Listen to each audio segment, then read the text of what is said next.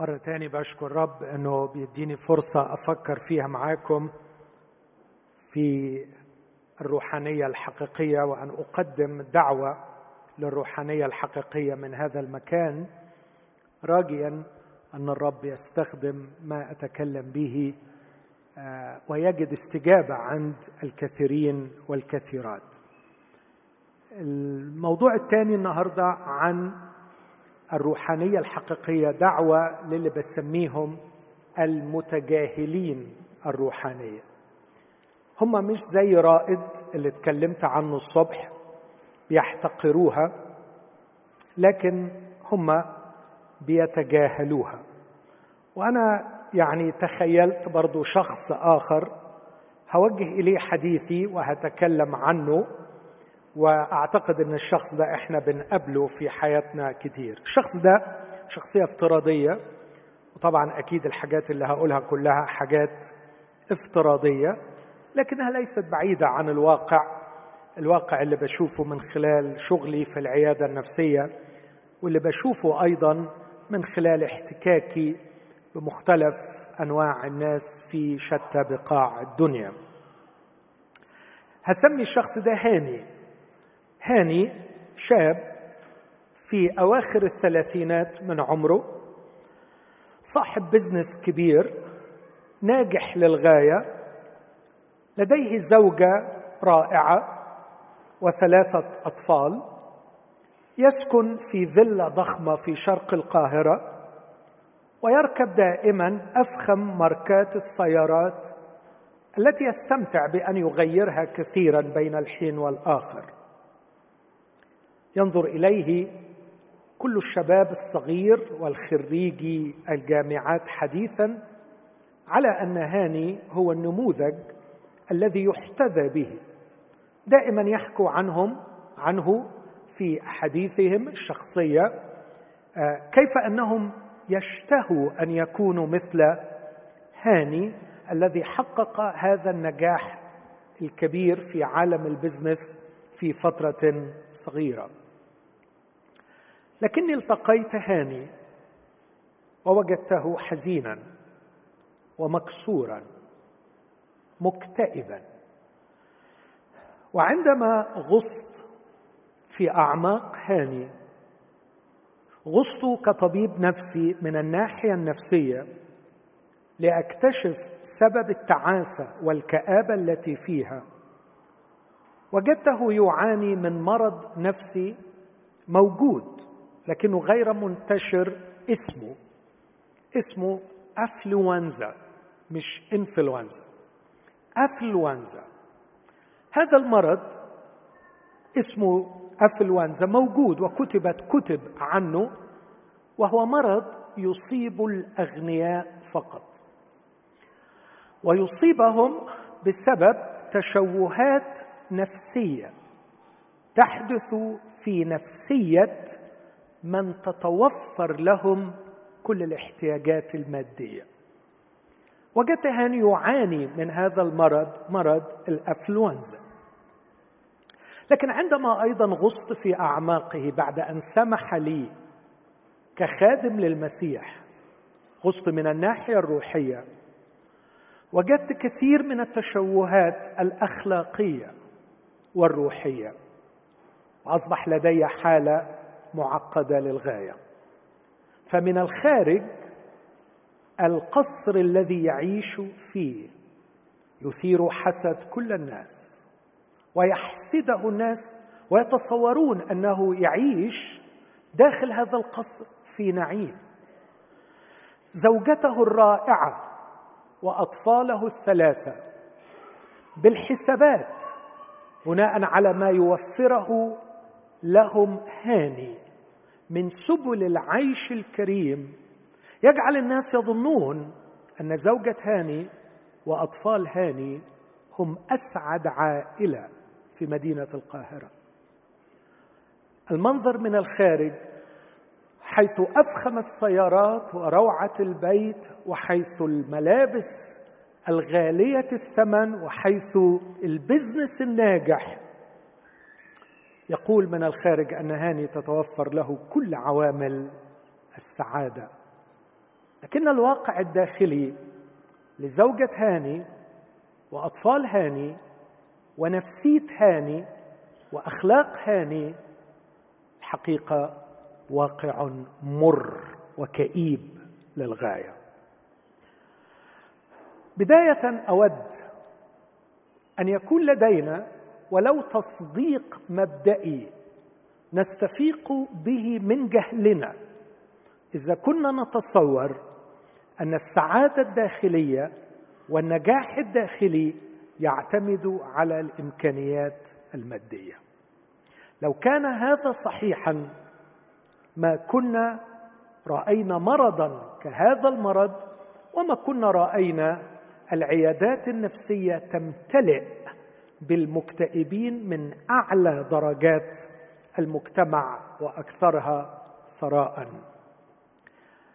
الرحلة اللي همشي فيها مع هاني قدام حضراتكم دلوقتي هي مزيج من الناحية النفسية وكأني سأمارس العلاج النفسي مع هاني أمام حضراتكم لكن أيضا يقينا سأمارس أيضا دوري كخادم لكلمة الله كخادم للمسيح. وفي البداية أود أن أسأل هل الكتاب المقدس قدم لنا نورا قدم لنا حقا بخصوص هذا الأمر؟ هاني إيه هو الأمر؟ هاني في يوم من الأيام عاد من العيادة النفسية وهو في حالة من التشويش بسبب ما كشفته له عن احتياجاته الروحية. ووجد زوجته تقرأ الكتاب المقدس وتخبره عن أحد الاجتماعات التي سمعت فيها كلمة الله والتي ساعدتها في حياتها وأرادت أن تجذب هاني إليها لكي يقرأ معها أو يحضر هذا الاجتماع. لكن هاني طبقا للبرمجة العقلية التي تبرمج بها في عائلته ووسط أصدقائه في عالم البزنس قال لها أنا سعيد لأجلك. أنا مبسوط لك. بجد يا بختك بس أنا ما أحسش إن الأمور الروحية دي بتاعتي أنا. أنا ما فيها وبصراحة مش قادر أقتنع إنها ممكن تسعدني. مش قادر أفهم يعني إيه ناس تقعد تسمع وعظة أو تصلي أو تقرأ الكتاب المقدس تتبسط. مش قادر أستوعب هذا الأمر. لكن عموما ربنا ينفعنا ببركاتك وعلى الأقل يبقى حد فينا بيصلي. فإذا كان ربنا موجود وإذا كان بيتدخل أو على الأقل نبقى ضمنا إن في حد في العيلة يعني مشبك مع ربنا بحيث إنه لو اتزنقنا في أي ظرف ممكن صلواتك تنفعنا. فاعملي معروف كملي في السكة بتاعتك دي. أنا هساعدك وهوفر لك كل شيء يخليك تكملي لكن أنا بالنسبة لي السكة دي ما تنفعنيش. وأنا هبدأ من هذا الطرح الذي يطرحه هاني. ليه يا هاني شايف إن الروحانية ما تلزمكش؟ وإجابتي المبدئية أن هاني يعيش من أجل السعادة وقد عرف طريقه إلى السعادة فهو عرف كيف يسعد نفسه. بيعرف إزاي يتبسط عرف معنى الأكلة الحلوة وعرف معنى الجنس في أعمق صوره. لقد جرب كثيرا جدا اشكالا مختلفة من اللذات والمتع الحسية التي تجوز والتي لا تجوز. لقد عبى كثيرا منها. فهو يعرف أن الحياة ليس لها غرض إلا أن الإنسان يعيش مستمتعا يعيش سعيدا. وقد عرف طريقه إلى السعادة.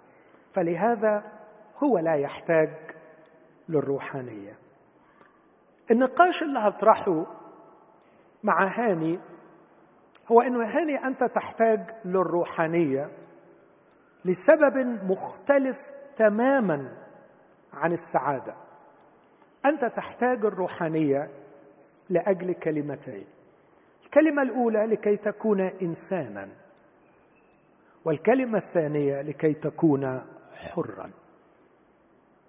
والحوار اللي هياخد معايا ربما شهور في حوارات مختلفة مع هاني هحاول أوضح له كيف أن الاستغراق في البحث عن المتعة والعيشه فقط من أجل السعادة تعطيك متعة وانبساطا وانسجاما في لحظتك. لكنها تسلب منك أسمى شيئين في الحياة. تسلب منك إنسانيتك وتسلب منك حريتك. هاني صدقني بالغرق في البحث عن السعادة قد تجدها لكنك ستكتشف بعد سنين طويلة أنك لم تعد إنسانا. وأنك لم تعد حرا. وأن الإنسانية والحرية الحقيقية لا يتحققان للإنسان إلا بالروحانية لكنها الروحانية الحقيقية والتي أدعو إليها من سلسلة هذه الخدمات. إزاي أقدر أقنع هاني بهذا الكلام؟ هقنعه من الناحية العلمية وهقنعه من الناحية الروحية هقنعه من الكتاب. ولأن هاني مش زي مين بتاع الصبح. رائد. هاني لا يحتقر الأمور الروحية لا يحتقر الكتاب المقدس. لا زال الحمد لله عنده استعداد إنه هو يسمع ولا سيما إنه بيسمع من شخص هو بيثق فيه. فاحكي له حكايتين من الكتاب المقدس.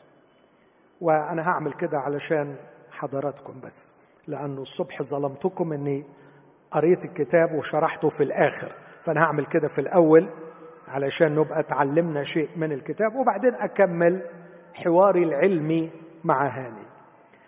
الكتاب المقدس مكتوب بشكل حقيقي معجزي وشكل غريب. ولابد إن إحنا نبقى نحضر محاضرات عن كيفية كتابة الكتاب المقدس وكيفية تكوين الكتاب المقدس. بس عايز أقول فكرة واحدة عن الكتاب أنه ليس إملاء من الله. الكتاب المقدس ليس إملاء لكن موحى به من الله. إيه الفرق؟ الله مصدر الكتاب المقدس. وهذا الذي يعطيه سلطته علينا أن هذا الكتاب هو كلمة الله. لكن طريقة الكتابة دي قصة طويلة. من ضمن الطرق اللي استعملها الروح القدس في كتابة الكتاب المقدس هو أن يكلف شخصا أن يجري بحثا. وقد فعل هذا مرتين في الكتاب مرة في العهد الجديد ومرة في العهد القديم. في العهد الجديد كلف شخصا مثقفا شخصا يونانيا طبيبا رائعا كلف هذا الشخص بأن يجري بحثا تاريخيا دقيقا جدا عن يسوع المسيح. عارفين مين الشخص ده؟ لوقا الطبيب الحبيب.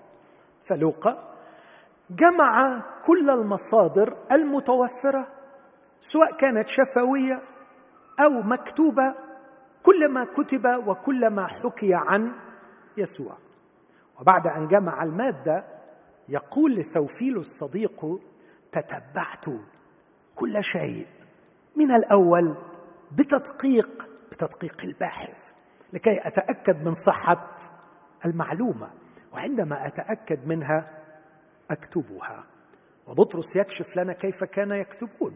تكلم أناس الله القديسون مسوقين من الروح القدس. لكن كون الروح القدس يسوقهم هذا لا يلغي العنصر البشري في هذا العقل الجميل الذي تعب وأجرى بحثا تاريخيا على أعلى مستوى لكي تكون هناك المادة العلمية التي يستعملها الروح القدس في كتابة إنجيل لوقا. هذا نوع من البحث التاريخي. لكن في العهد القديم كلف الله شخصا آخر بإجراء بحث والحقيقة كان بحثا مرعبا. لماذا؟ لا أعرف. كيف رأى الله وكيف اتخذ هذا القرار؟ أثق في حكمة الله. لكن الله اختار شخصا تقريبا يمكننا القول أنه الأذكى في التاريخ البشري هو سليمان. لأنه الكتاب يقول عنه أن الله قال له سأعطيك حكمة لا قبلك ولا بعدك كان عنده فهو شخص يتمتع بقدرات عقلية هائلة. لكنه أيضا بالإضافة للقدرات العقلية كان يتمتع بشيء ثاني وهو الثروة التي لا حدود لها لدرجة أن وزن الذهب اللي كان عنده في سنة واحدة الإنكم بتاعه 666 وزنة وزن الذهب. ولو ضربت في 45 كيلو لك أن تتخيل أطنان الذهب الذي جاءت التي جاءت لهذا الرجل في سنة واحدة. فلديه ثروات جبارة. والشيء الثالث لديه السلطان. فكر في الثلاث أشياء دول. لا أعتقد اطلاقا أنه يمكن التفكير في شخص حصل على الثلاثة. يعني بنلاقي أشخاص أغنياء جدا بس الحقيقة ربنا ما قسم لهمش قدر كبير من الذكاء. ده موجود ولا مش موجود؟ موجود. في أشخاص أذكياء جدا بس ما عندهمش فلوس. في أشخاص عندهم فلوس وعندهم ذكاء بس ما عندهمش باور ما عندهمش سلطان. لكن الراجل ده وصل إلى كل شيء. أقدر أقول قد وصل إلى قمة العالم. وصل إلى قمة العالم.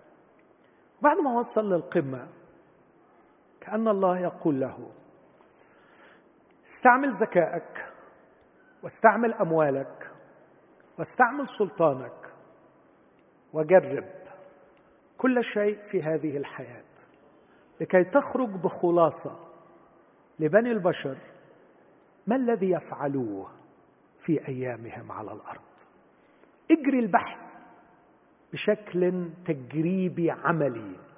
جرب وابحث واخرج لنا زي أي بحث بننهي في الآخر البحث بكلمة conclusion. انهي البحث بخلاصة وقدمها لبني البشر. ثم بعد أن اجرى البحث ووصل للخلاصات ساقه الروح القدس ليسجل لنا نتيجة هذا البحث.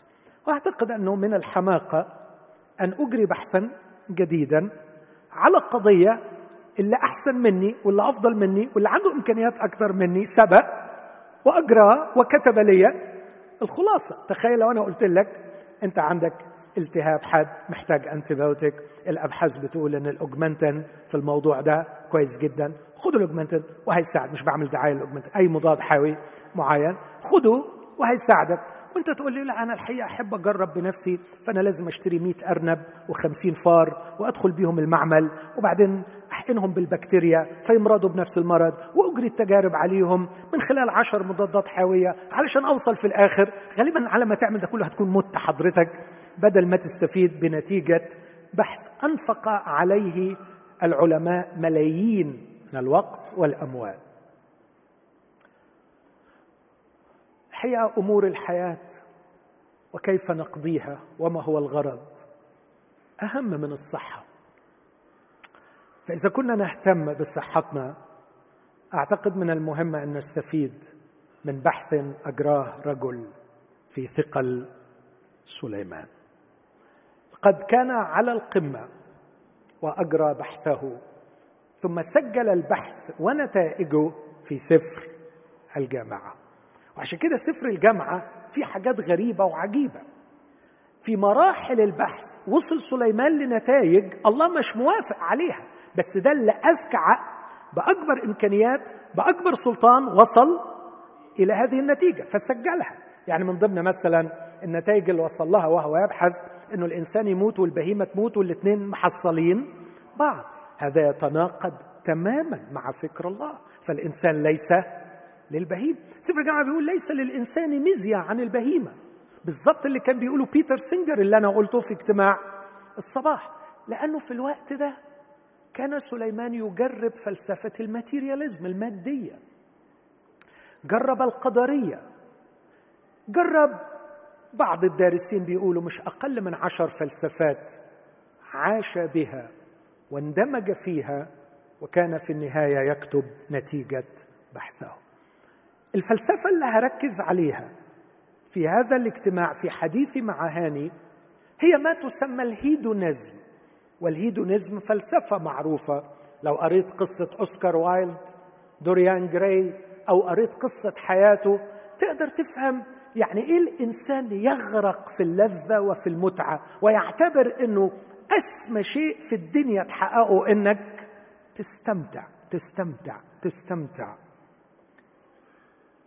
وأنا أقول بكل أسف إن في كتير جوه الكنايس ارتبطوا بالكنايس وارتبطوا بالمسيح ليكون المسيح هو وسيلتهم لتحقيق المتعة. هو مش قادر يحقق المتعة بطوله فلجأ للمسيح لكي ينجح المسيح طريقه ويحقق له المتعة. لكن هو تلاقيه قاعد على بنك الكنيسة وبيسمع الوعظات وبيهتم قوي باجتماعات الصلاة لكن اللي في قعر راسه من ورا هو ويل إمتى بقى الحاجات دي هتوصلني للي نفسي فيه؟ وإيه اللي نفسه فيه لو دخلت في قعر راسه؟ إيه اللي نفسه فيه؟ إنه ربنا بقى يعني ينولني مرادي. أوصل بقى أوصل وأبقى هاني إنه ينجح البزنس وإنه يعدل مزاج مراتي ويخليها تبسطني ويعدل حال عيالي يخليهم يبقوا زي ما أنا عايز يشبع لي رغباتي. فالله شغلته يسرع لتلبية رغباتي. فالله وسيلة الله وسيلة. بالأمس كنت أتحدث مع إنسانة فاضلة وبقول لها وفي الآخر وفي الآخر بعد ما تعملي ده كله قالت يعني الأخرة الصالحة. قلت لها يبقى الغرض ليس الله الغرض هو الأخرة الصالحة. وايه موقف الله في القصة دي؟ قالت لي مش عارفة. قلت لها وسيلة. فنحن نرضيه لكي ما نحوز على الأخرة الصالحة. فاعتقادي أنك تعبدي الأخرة الصالحة ولست تعبدي الله. اننا لا نبحث عن علاقة معه. لكن نبحث عن استعماله كوسيلة تحقق لنا وتشبع لنا رغباتنا. فسليمان أجرى البحث ومن ضمن الفلسفات اللي بحث فيها وجربها هو فلسفة الهيدونيزم أو إشباع الرغبات.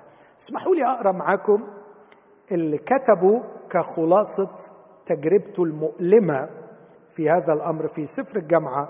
أقرأ أعداد قليلة من الأصحاح. الثاني فقط.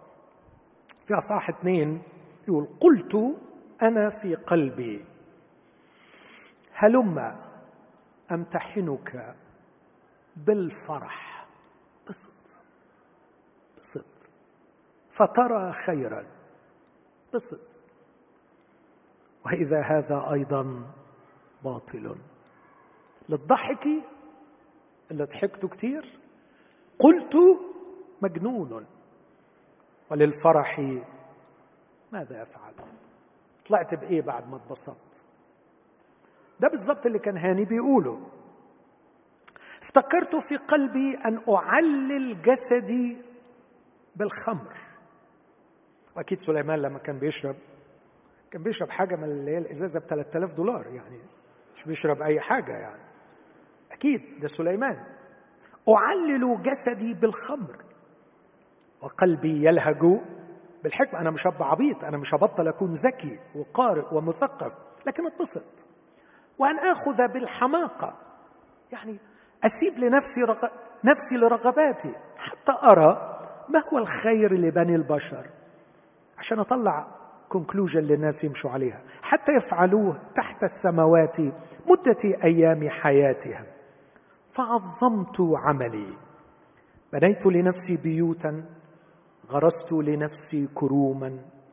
بنيت لنفسي بيوتا يعني بيت واحد منهم. إحنا بنقول إن الهيكل اللي بناه سليمان كان أعجوبة مش كده؟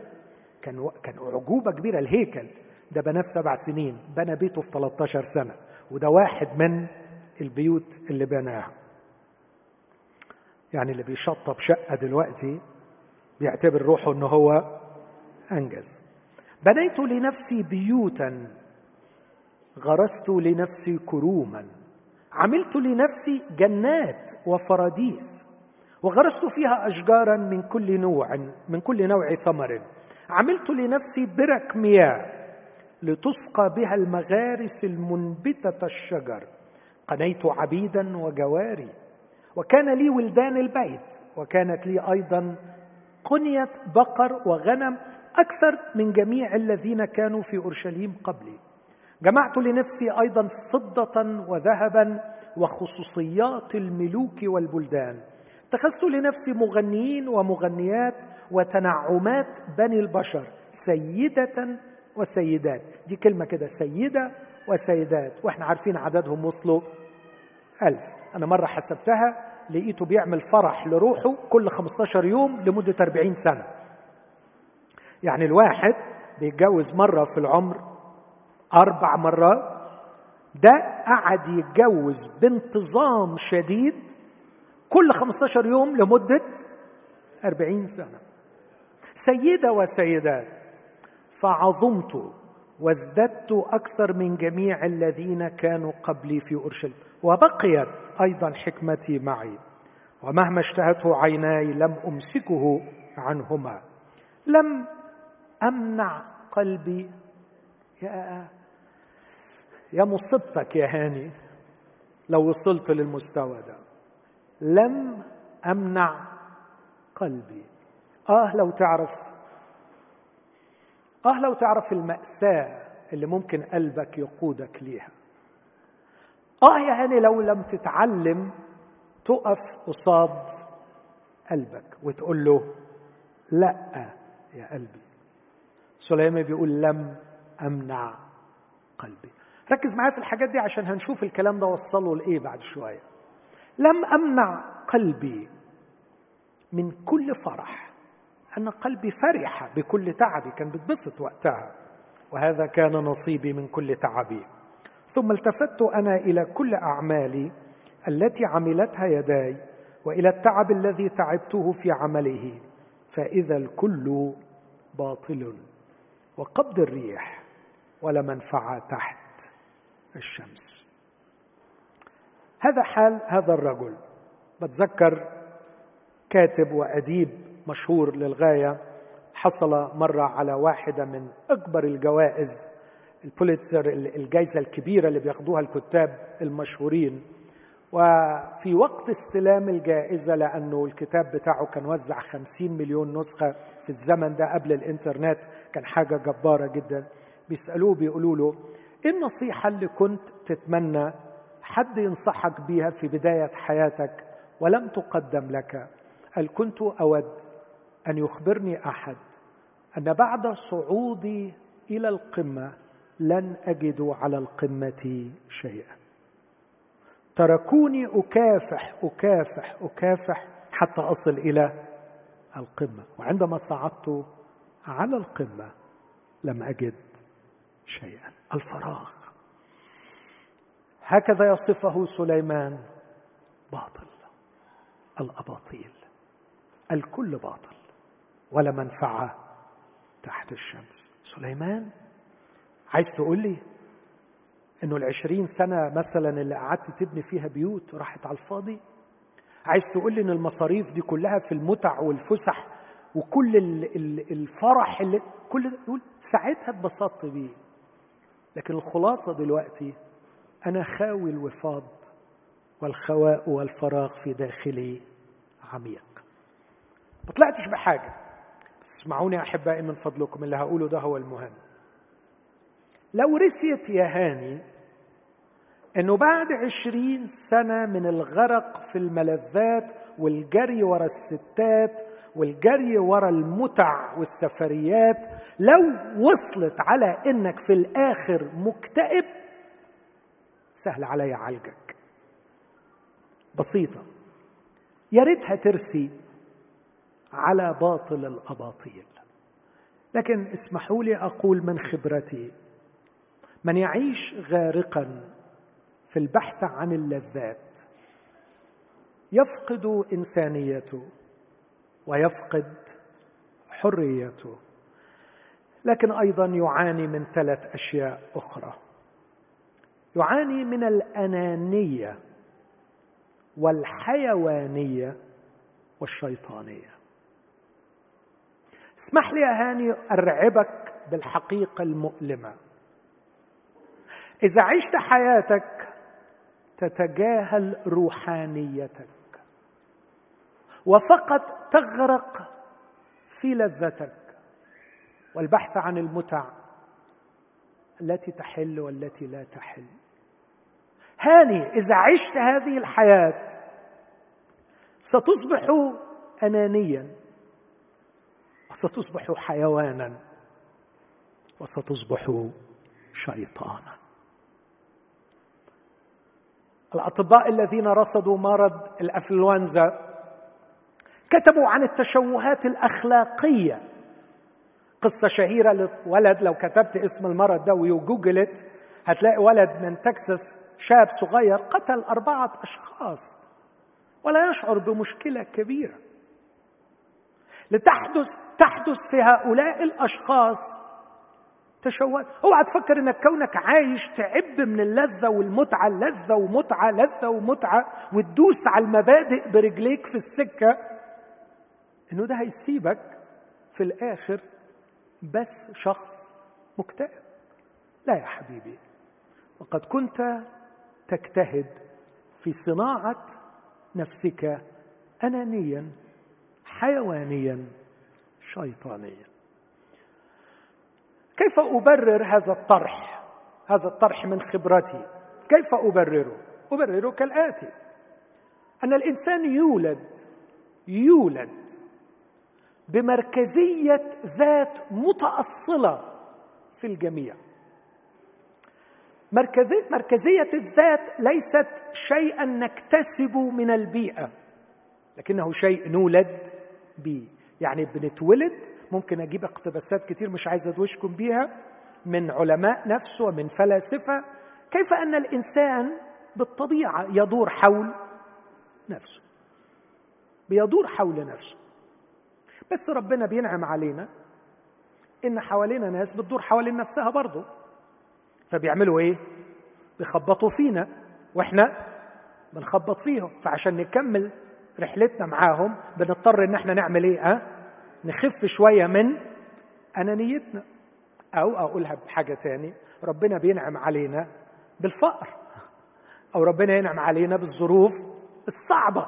فيبقى الواحد عمال يدور حوالين نفسه لكن مش قادر يحقق رغباته مش قادر يشبع نفسه اللي بتدور حوالين نفسها. نفسه يجيب ونفسه يجيب بس العين بصيرة والإيد قصيرة. تعرف إنه ده من ضمن مراحم الله لأنه يمنع النفس من التوحش في مزيد من الدوران حول نفسها. لكن لك أن تتخيل بقى إنه لا توجد أي عوائق بينك بين نفسك وبين ما ترغب في نفسك. فيش عوائق. أنت كل اللي بتشتهيه بتجيبه. كل اللي نفسك فيه ويخطر على بالك توصل له. هؤلاء الأشخاص يتعمقون يتعمقون يتعمقون في الدوران حوالين نفسهم فيصابون بنرجسية مريضة مرعبة. يشتكي منها كل من حولهم. لأنه حاسين إن البني آدم ده بيفكر في كل حاجة من منظور أنا فين؟ إيه اللي أستفيده؟ إيه المتعة اللي أخدها؟ يتحول إلى شخص لا يحتمل في أنانيته. ومن وجهة نظر المسيحية الأنانية هي الموت الروحي. فهذا ميت روحيا. لكن كمان يصبح هذا الشخص مع الوقت بسبب هذا الإغراق في إشباع رغباته يصل إلى الإدمان وتصبح ما تسيره في الحياة هي غرائزه. فيصبح مسير بالغريزة وليس بالمنطق ليس بالعقل والغريزة أو الرغبة الحقيقة لا تشبع. فكل ما تلقي إليها تطلب المزيد وبالتالي يتحول إلى كائن حيواني تحرك غرائزه تحرك رغباته تحرك يحرك جهازه الجنسي يحرك شهوته في الطعام تحرك شهوته في الامتلاك في السيطرة. أصبح انانيا وأصبح حيوانا. لكن الكارثة الكبيرة هي أنه دون أن يدري يصبح شيطانا. لماذا أقول هذا؟ بناء على تعريفي لما هو الشيطان وأعرفه بضده وهو الله. فالله فائض بالحب يفيض والشيطان يشفط يمتص. وهؤلاء الأشخاص رأيتهم فعلا يتحولون مع الوقت إلى أجهزة شفط. أجهزة شفط. هو كل شيء يراه يريد أن يمتلكه ويريد أن يأخذه. وفي طريق الامتلاك وإشباع الرغبات وطريق السيطرة أكيد في بعض القوانين اللي هتعترضه. أكيد في بعض عوائق هتقف قدامه. ممكن تكون عوائق الحرام والحلال إنه لا يحل. رأى امرأة أعجبته بس المرأة دي مرتبطة برجل بس هو ما يعرفش يعني إيه حاجة تمنعه فيعمل إيه؟ يتخطى العائق. بس تخطيك للعائق. يسلب هذا الإنسان حقه. لا يحل لك ومن الناحية الأخرى أنت ستصحق قلب امرأة أنت مرتبط بها لكنهم تحولوا إلى الشيطنة التي تمتص كل شيء ولا تعبأ بأي قانون لا أخلاقي ولا حتى أحيانا القوانين بتاعت الحكومات. بيعرفوا يلتفوا حولها ويتخطى وده مش في مصر بس لكن ده في كل بلدان الدنيا. والفضائح التي تنشر في الخارج ترينا كيف أن الأشخاص في مواقع المسؤولية يدسون القوانين بالأقدام مع علمهم اليقيني بخطورة هذا الأمر. ومع علمهم أن بلادهم فعلا بتقدر تكتشفهم وتوصل لهم. وعشان كده إحنا بنقرأ فضايحهم. لكن بيبقى وصل إلى حالة من العمى الشيطاني الذي يجعله يريد أن يشبع رغباته بأي ثمن. إخوتي هل الكتاب المقدس يرينا شيئا من هذا في حياة سليمان؟ أعتقد هذا. ويكفي إني أقول بعض الأشياء عن سليمان. سليمان الملك ارتبط بألف امرأة. بس الغريب جدا أن الكتاب كان رائعا فأنه لم يذكر اسم امرأة واحدة من نساء سليمان. وأنا ما أعتقدش إن دي صدفة لأنه لما تقرأ الأصحاحات بتاعة الأسماء اللي بنعديها إحنا وبنقول إنها يعني مش بنستفيد منها حاجة تقرأ كتير إنه فلان جاب فلان من فلانة واسم أمه فلانة واسم امراته فلانة سليمان اتجوز ألف الكتاب لا يذكر اسم امرأة واحدة من أسماء نسائه إيه المقصود؟ إيه اللي عايز يقوله الكتاب المقدس؟ عايز يقول إنه المرأة في نظر سليمان لم تعد إنسان لم تعد شخص إنها مجرد جسد. تدخل إليه وتخرج من عنده وهو حتى ما يعرفش اسمها ولا يهمه إن هو يعرف اسمها لأن اسمها ما يلزمهوش. هي جسمها اللي يلزمه. هو يريد إشباع رغباته الحيوانية وقد وصل إلى هذا المستوى إنه يمتلك ويمتلك ويمتص ويمتص دون أن يعبأ بالآخر. سليمان امتلك عقله الشيطان. ففي النهاية بنى مذبحا وقدم ذبيحة لكموش إله المؤابيين. وكان كموش يعبد بذبائح الأطفال. لا أجزم أنه قدم ذبيحة طفلا لكموش لكن الكتاب يقول أنه سجد لكموش. والكتاب علمنا أن ما يقدمه الأمم للأوثان إنما يقدمونه للشياطين. فعبادة الأوثان هي عبادة الشياطين. لكن سليمان في النهاية أيضا كان قاسيا للغاية على شعبه ولم يحترم إنسانيتهم. ولم يحبه شعبه كما أحب داود ابيه تتذكروا حضراتكم لما ابنه ملك على إسرائيل رحبعام إن بني إسرائيل راحوا لرحبعام وقالوا له حد فاكر الجملة اللي قالها له؟ أبوك ثقل نيرنا فخفف استعبدنا أذلنا. إن انانيته والمنهج الذي صار وراءه في حيوانية وشيطانية جعله مشوه في علاقاته وفي تعامله مع الناس.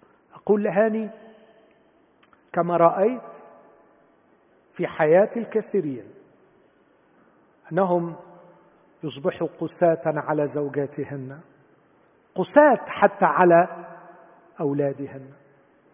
إن الغرق في البحث عن المتعة يسلبك إنسانيتك ويجعلك شخصا انانيا لا تفكر إلا في نفسك ويجعلك مسيرا بغرائزك بل يجعلك أيضا شيطانيا في قسوتك وإهانتك للناس من حولك. مبروك عليك المتعة. مبروك عليك اللذة. مبروك عليك اللي خدته. بس في الآخر بعد سنين أنت شبه إنسان ولست إنسان. أنت مش إنسان لأن البحث وراء المتعة سلبك إنسانيتك. لكن الكتاب أعطانا قصة أخرى برضه هقراها لهاني عن شخص قصد الله له أروع مستقبل. قصد له أن يكون مخلصا لشعبه واختاره ليكون نذيرا له من بطن أمه. في إحسان أعظم من كده إن ربنا يختار لإنسان هذا المستقبل الرائع. وكأن الرب يفكره ويقول له عايزك تفكر في عثنئيل ابن قناز عايزك تفكر في جدعون عايزك عايزك تفكر في هؤلاء الرجال الذين تبعوني واستخدمتهم أعظم استخ... فكر في دبورة التي قامت اما في إسرائيل. اخترتك يا شمشون لكي تكون في طابور هؤلاء العظماء. تكون قاضيا ومخلصا لإسرائيل. لكن للأسف الشديد كتاب يقول لنا عن شمشون الا الله اختاره وأعطاه مش بس الرسالة أعطاه المواهب. التي يتمم بها الرسالة. أقول تاني. أعطاه الرسالة وأعطاه المواهب في ناس كثيره نفسها إن ربنا يديها موهبة. الله أعطاه الرسالة. آه بالمناسبة أقول للي بيدوروا على الموهبة الله يطول عمرك دور على الأخلاق قبل الموهبة. لأنه ممكن ربنا يدي لك الموهبة وبعدين نلاقي روحنا ما عندناش الأخلاق تبقى مصيبة مش كده؟ قبل ما تدور على الموهبة دور على الشخصية وبناء الشخصية الذي يتحمل ثقل الموهبة. لأنه كتير لما تبقى الموهبة تقيلة والشخصية مخوخة الشخصية تعمل ها؟ أه؟ تقع وتبقى فضيحة وتبقى المعاناة كبيرة. فشمشون كان عنده موهبة كان عنده رسالة لكن للأسف الشديد كانت عينه زايغه للأسف الشديد كانت تسيره رغباته. ما عرفش يقول لنفسه لا. كانت رغبته غالية عليه وكانت المتعة مقدسة بالنسبة له. ولم يتعلم ضبط النفس والتعفف أمام الرغبة. لم يدرك أن السعادة الحقيقية ليست في إشباع الرغبات. لم يدرك لم يعلمه أحد أن النجاح الحقيقي في الحياة ليس أن تحصل على كل ما ترغب فيه. كانت النتيجة مرة ورا مرة بعد غلطة ورا بعد غلطة. مش عايز أحكي القصة دي ثالث حكاية لشمشون في إصحاح 16 عدد أربعة. وكان بعد ذلك أنه أحب امرأة في وادي سورق اسمها دليلة. أحب امرأة اسمها دليلة. فصعد إليها أقطاب الفلسطينيين وقالوا لها تملقيه وانظري بماذا قوته العظيمة وبماذا نتمكن منه لكي نوثقه لإذلاله فنعطيك كل واحد ألفا ومائة شاقل فضة. فقالت دليلة لشمشو بصوا السؤال الله يطول عمركم. وادرسوا أنتوا الأفلونزا التشوه الذي يصيب الإنسان الباحث عن المتعة. بص السؤال بتقول له إيه؟ قالت لا يعني ما كانتش بتخبي ما كانتش بتلف وتدور. قالت له هذه الكلمات في عدد ستة. أخبرني بماذا قوتك العظيمة؟ وبماذا توثق لإذلالك؟ يعني قل لي يا حبيبي اذلك إزاي؟ قل لي قل لي إزاي أعرف اذلك إخوتي هذه كلمة الله.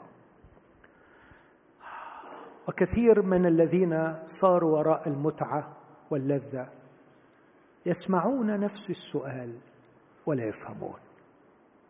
لا يفهمون لأن العقل قد تشوه. عندما يستسلم الإنسان للرغبة يفقد إمكانياته التي تميز بين الصواب والخطأ بين ما يكرم وما يذل. أراهم يسرعون للاذلال لست في حلة أن أحكي قصص كثيرة لكن كان يصدمني يصدمني يصدمني يصدمني يصدمني أن أرى شخصية من أعلى أعلى أعلى طبقات المجتمع وأرى كم الذل والإهانة التي يقبلها الإنسان على نفسه لأنه لم يرى في الحياة إلا المتعة.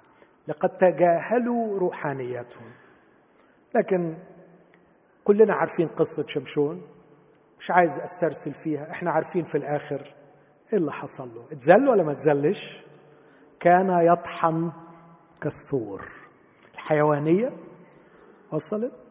حيوانية مذلول أعمى العينين فقد رؤيته. لأنه كان قد قرر أن لا يرى إلا كل ما يمتعه. بدأت رحلته رحلة سقوط المروع خذاها لي لأنها حسنت في عيني. انتهت قصته بأن عينين الاثنين متقلعة نفسي أقول للشباب احترس. من أن تختزل معنى الحياة إلى البحث عن السعادة والمتعة. طيب ده اللي بتقوله كلمة الله. اللي بيقولوه علماء النفس؟ غير المسيحيين. وأنا حرصت في اللي هقوله دلوقتي إني لا أقتبس من عالم مسيحي عالم نفس مسيحي لكن سأقتبس من علماء نفس غير مسيحيين. أول واحد تعلمت منه كثير في خلال حياتي في الطب النفسي اسمه مارتن سليمان. بيقول كده المعنى في الحياة لا يأتي من السعادة لكن يأتي من الانتماء والعيشة من أجل شيء غير نفسك. ومن صيرورتك أنت أفضل ما يمكن أن تكون. زميلة وكاتبة لكتاب رائع زميلة لهذا الرجل وكاتبة لكتاب رائع اسمها إيمي سميث أصفهاني.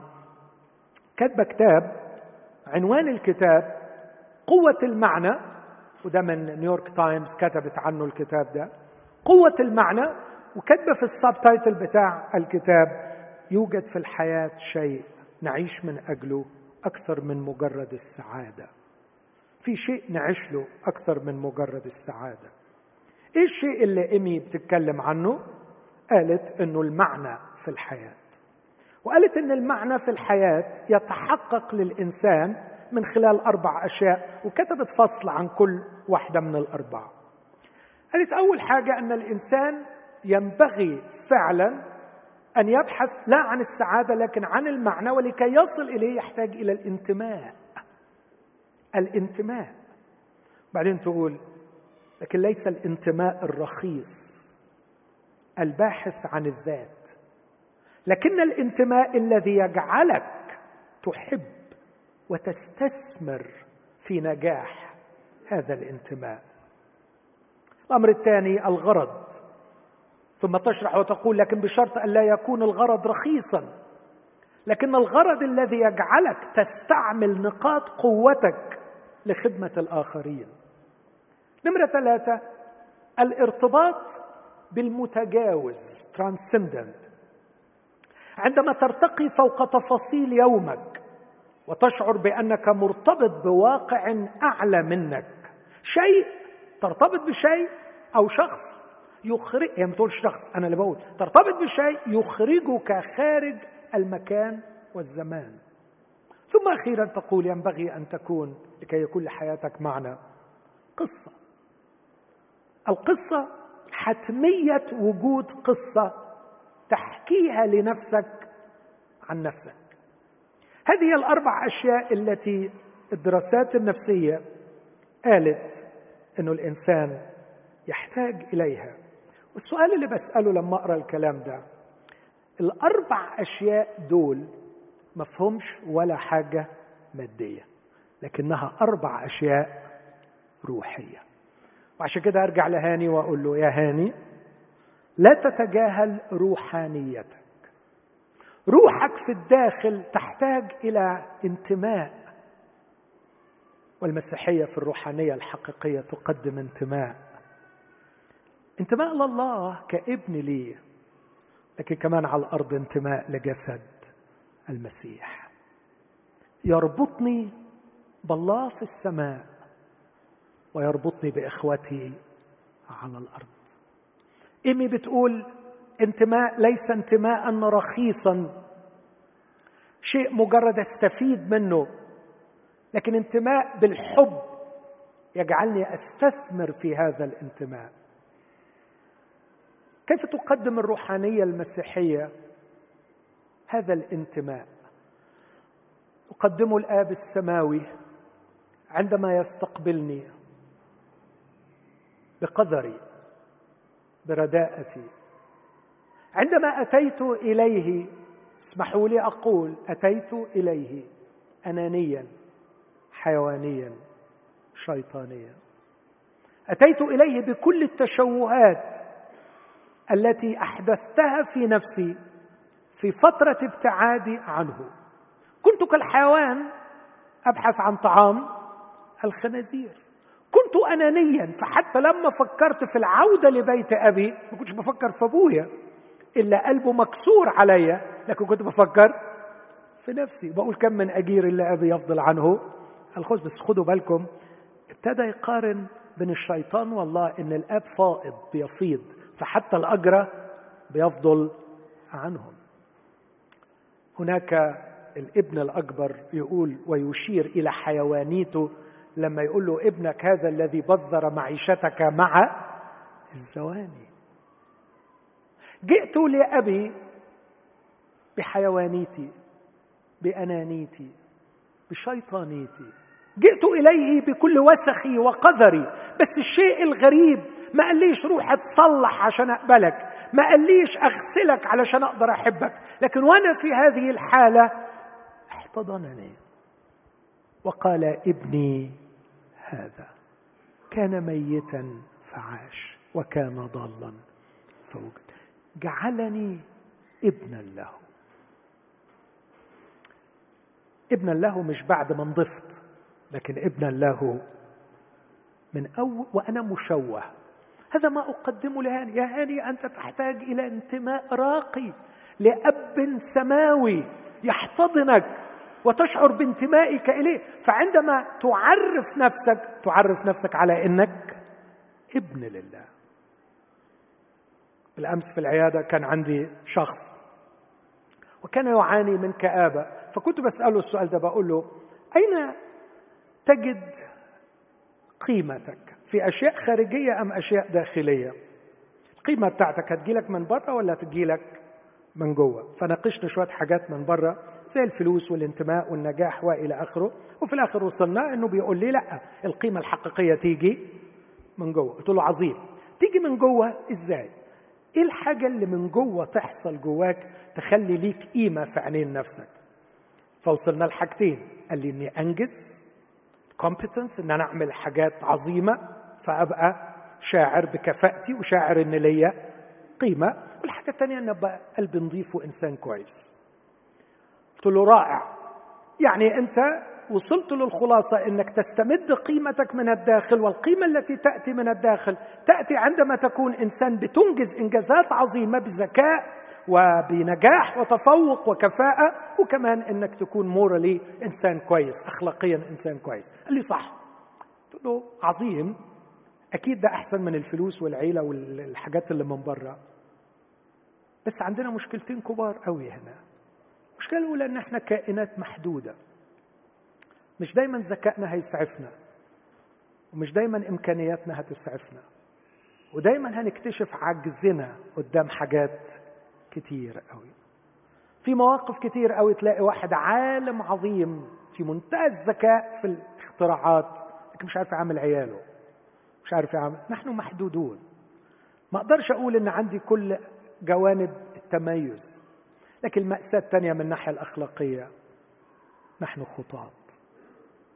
نحن خطاة والخطية ساكنة فينا. فلو هتبني قيمتك على إنك كويس راحت القيمة. لو هتبني قيمتك على إنك كفء راحت القيمة. قال لي طب بعدين قفلتها في وشي.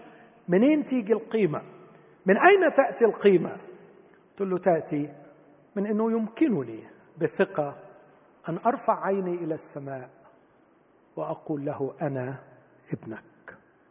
مخلوق على شبهك. أحمل حضورك. وأستطيع في الأرض أن أتمم مشيئتك.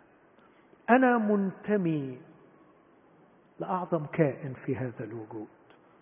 هذا هو الانتماء. الانتماء الحقيقي.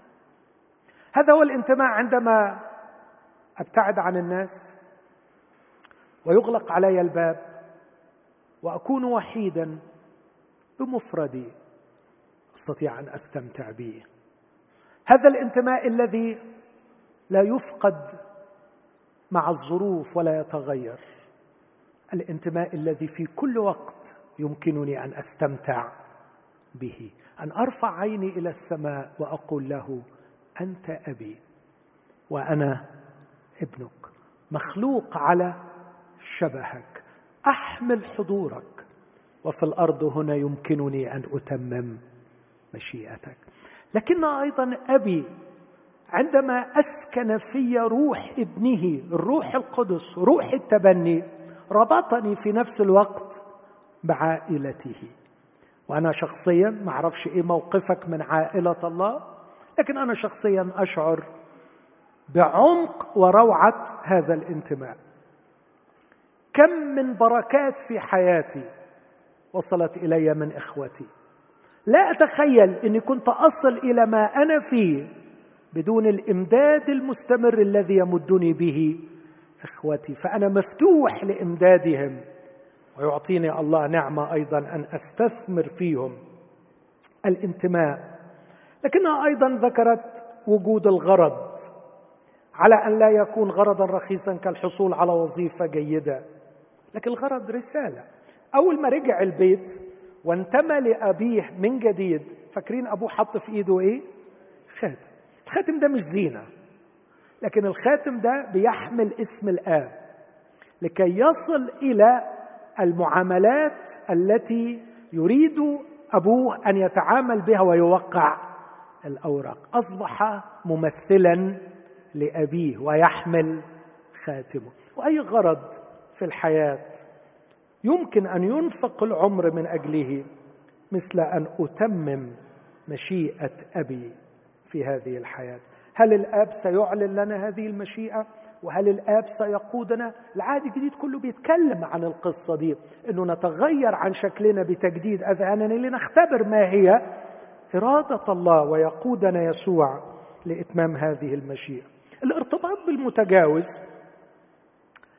إيمي سميث قالت تجربتين في منتهى الغرابة علشان الناس تجد المعنى في الحياة إنهم لازم يرتبطوا بشيء يتجاوزهم شيء أكبر منهم شيء يخرجهم خارج الزمان والمكان. فكانت الحاجة الأولانية إنه يوقفوهم قدام شجرة ارتفاعها 200 قدم. فلما يلاقوا شجر عالي قوي ويقعدوا يتأملوا في الشجر العالي قوي ده بيرقق من نفسياتهم ويصلحهم. نفسيا ويحسسهم بإن في حاجة أكبر منهم. وحتى عملوا عليهم تجربة إنه كانوا يطلبوا منهم التبرع بعد ما يشوفوا الشجار العالية دي كانوا يدفعوا أكتر للغلابة والمساكين. لأن الارتباط بشيء كبير يحسن من النفس الإنسانية. أنا بقى مش مرتبط بشيء كبير لكن ارتبطت بالمتجاوز الذي لا يكف عن أن يشعرني كل يوم أنه يتجاوز هذا الكون ويسيطر على هذا الكون وهو خارج هذا الكون وأكبر من هذا الكون.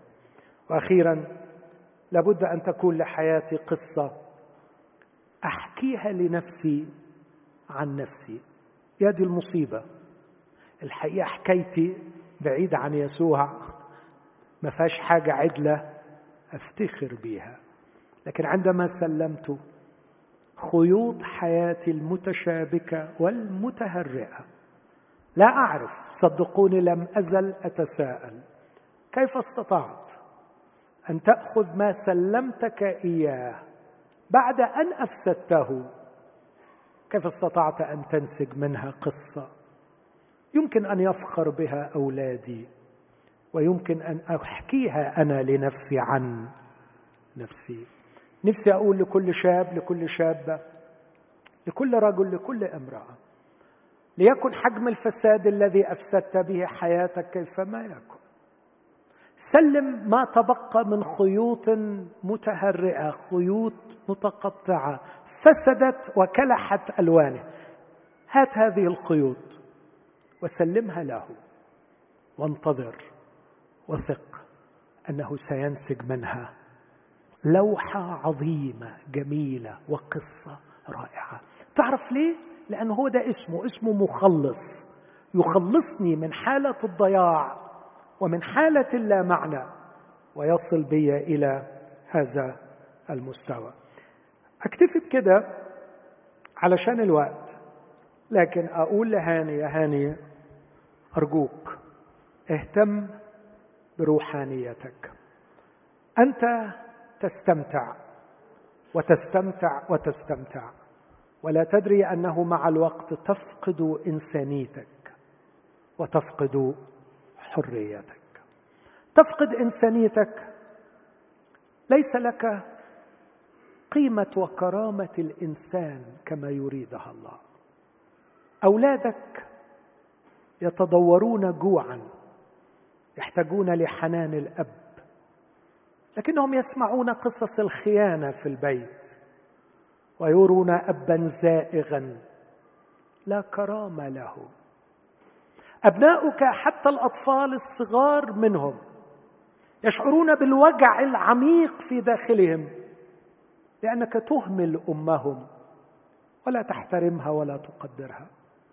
وأقول للامرأة أيضا التي تخون رجلها وتبتعد عنه أنت لا تعلمي أن الأطفال اذكياء وأنهم يلمحون الخيانة ويعرفونها ببراءتهم. ولا تعلمين حجم الدمار الذي يوجده هذا في نفوس الأطفال. لقد استمتعتم هنيئا لكم لكنكم سحقتم من حولكم. دمرتم اطفالا صغار أخرجتوهم للدنيا لا يشعرون بالأمان. لا يستأمنون إنسانا ولا يأمنون في العلاقات لأنهم رأوا الخيانة في قدس أقداس البيت في البيت رأوها. لقد كنتم تستمتعون لكن في نفس الوقت تخسرون. أسمى شيء وهو إنسانيتكم. يمكنك أن تلقب نفسك بأنك رجل سعيد. لكن لا تستطيع أن تلقب نفسك بأنك إنسان سعيد. لم نخلق من أجل السعادة لكن السعادة تأتينا وتبحث عنا. إن عشنا إنسانيتنا إن عشنا الإنسانية الحقيقية ستأتي السعادة. لكن الذين يرقدون وراء السعادة يكتئبون ويخسرون إنسانيتهم. لكن من الجانب الآخر تأكد أن السعادة في النهاية حتى وإن بدت في البداية كأنها خيوط من حرير ممتعه معها تحلو الضحكات وتعلو نغمات المزيكا تتحول في النهاية إلى قيود حديدية. تستعبدك. لقد كنت حرا يا هاني كنت حرا وأنت تتخذ القرار وراء القرار لكي تستمتع. لكنك لا تدري أن نتائج القرارات أنت ليس لك سلطان عليها بالمرة. كل قرار اتخذته بحريتك الكاملة صنع نتائج ستتحكم فيك وتحدد مصيرك وتستعبدك وتقيدك ولا تستطيع أن تحرر نفسك منها. لماذا تحتاج للروحانية؟ ولماذا ينبغي أن تتنبه ولا تتجاهل روحانيتك لأجل السببين لكي تكون انسانا ولكي تكون حرا. المسيحية لا تدعوك للقهر ولا تدعوك لمجرد أن تعبد الإله لكن المسيحية تدعوك لكي تكون انسانا. يقول السيد أتيت لتكون لهم حياة حياة إنسانية. مش حياة الجنس والأكل والمتعة. كي تكون انسانا. And to have it abundantly. يعني تكون لك الحياة الإنسانية الحقيقية وتكون لك بوفرة. يعني تبقى إنسان قوي. تبقى إنسان قوي. لكن السيد أيضا قال إن ثبتتم في كلامي فبالحقيقة تكونون تلاميذي. وتعرفون الحق والحق يحرركم.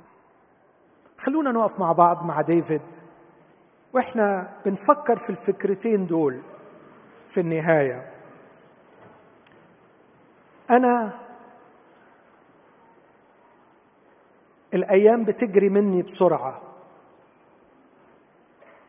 وما سألتش نفسي كتير أنا بجري ورا إيه في أيامي. لكن غالبا كنت بجري ورا انبساطي. صحيح بشكر ربنا إنه ما كانش عندي الإمكانيات اللي تخليني دايما أتبسط باللي نفسي فيه من رحمة ربنا بيا. كي يوقف يوقف عملية أنانيتي وحيوانيتي وشيطانيتي. لقد رحمني الله. لأنه لم يعطني الإمكانيات التي تشبع رغباتي. لكن أنا بفوق النهارده. وبقرر أعظم قرار في حياتي. عايز أبقى إنسان. وعايز أبقى حر. هل تستطيع يا الله؟ هل عندك مشروع؟ خلاص. دعني أسألك سؤال واضح يا إلهي. إذا كنت عشت كل عمري تفننت كيف أضيع إنسانيتي؟ وكيف أضيع حريتي هل تستطيع أن تسترجع لي إنسانيتي وحريتي يسوع المخلص. من لمس الأبرص ومن أبرأ الأعمى ومن روى عطش السامرية ومن جعل الوحش شاول يصبح بولس الرسول يعدني ويؤكد لي أنه مخلص مخلص لسبب واحد يرجع لي إنسانيتي ويفك قيودي ويرجع لي حريتي. لن أشرح لك كيف سيصنع هذا لأني أنا شخصيا لا أفهمه. لكن أعرف أنه عندما صلب من أجلي وسال دمه ليغفر ذنبي ويصالحني مع الله أرجع إلي إنسانيتي. فكلمة الصليب عند الهالكين جهالة. لكن عندنا نحن المخلصين الذين اختبرنا هذا الخلاص. يسوع المصلوب هو قوة الله. ارفع قلبك لي. دوس على اللذة والمتعة برجليك. الله ليس ضد المتعة. الله هو الذي خلق المتعة. لكن الله يريد أن يخلقك إنسانا يحسن الاستمتاع وليس الذي يصير عبدا للمتعة. تعال ارفع راسك اللي وطتها الخطية. تعال استرجع أبوتك اللي أولادك لم يعودوا يروها.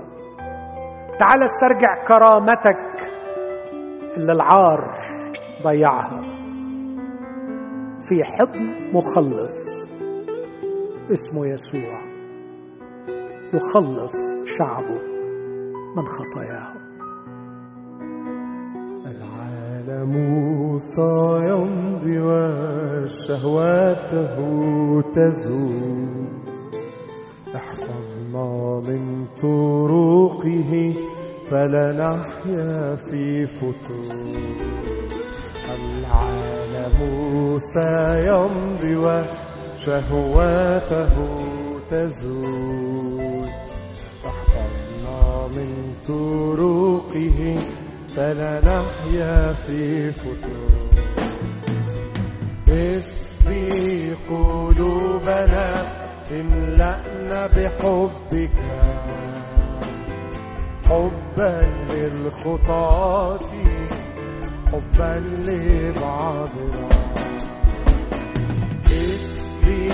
قلوبنا املأنا بحبك. حبا للخطاة حبا لبعضنا. نرفض حب العالمين لن نحيا لذاتنا. نرفض حب العالمين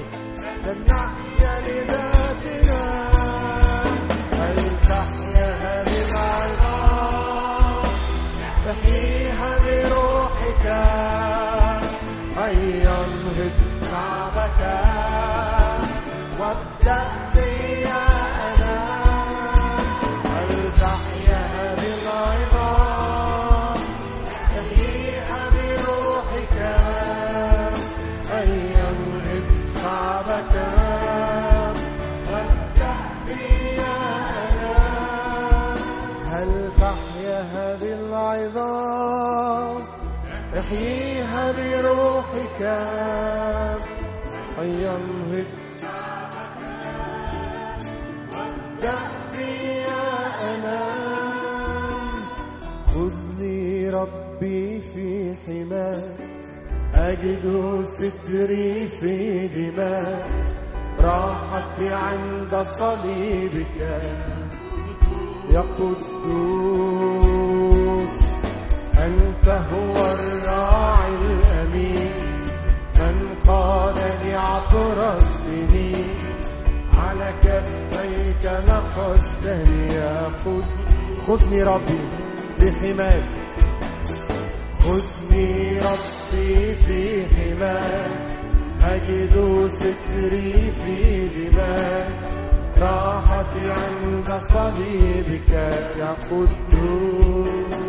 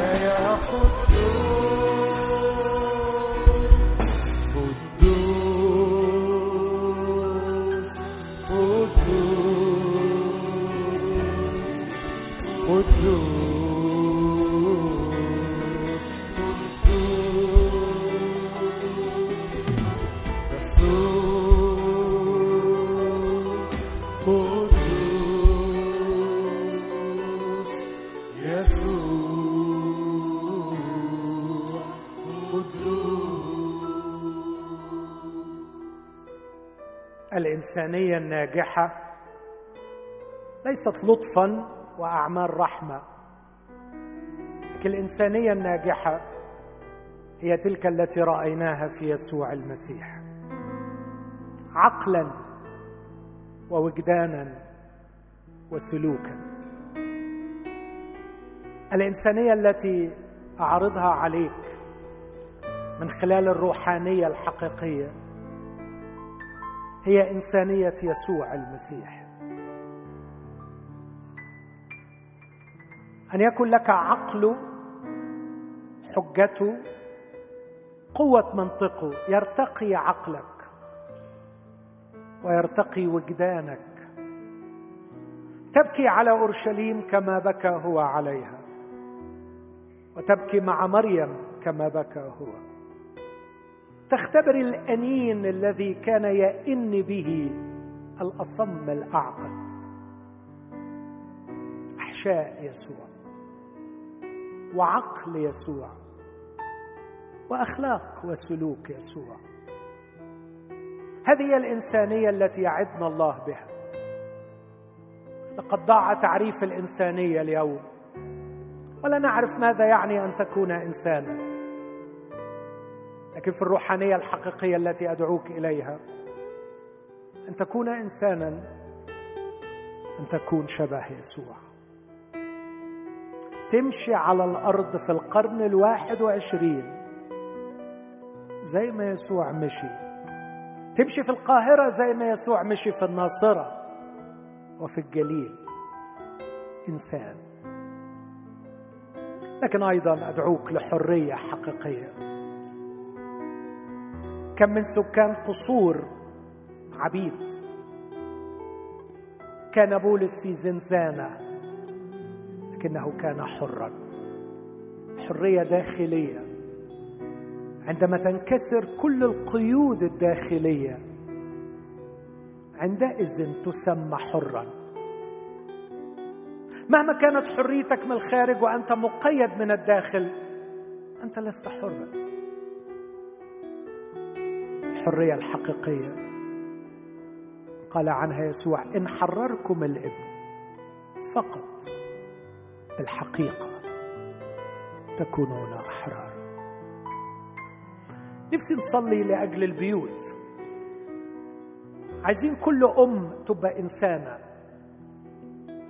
عايزين كل أب يكون إنسان. خلونا نفكر في أمهات. أعظم وصف توصف به من أولادها أنها إنسانة. واباء يشهدوا عنهم أولادهم بأنه إنسان. صلي معايا. صلي معايا من أجل جيل بيطلع للدنيا.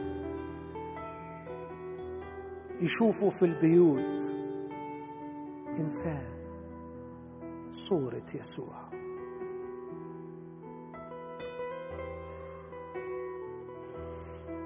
أصرخ صرخة حقيقية من القلب.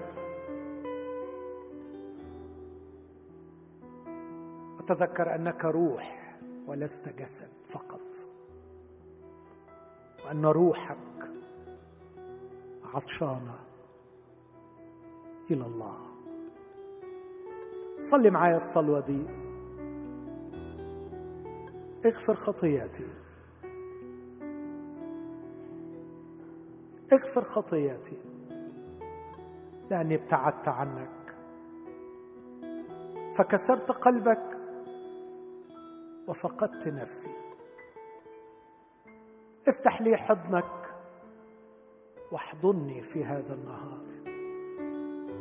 أعود إليك يا أبي محتاجا لحضنك. فيه أسمعك. تعيد إلي إنسانيتي إذ تقول لي إني ابنك. تعيد لي حريتي وأنت تضع خاتمك في يدي. فأخرج وأغني وأقول لست بعد عبدا بل ابنا. وإن كنت ابنا فوارث لله. أيها الرب يسوع المصلوب اغسلني بدمك. طهرني من إثمي.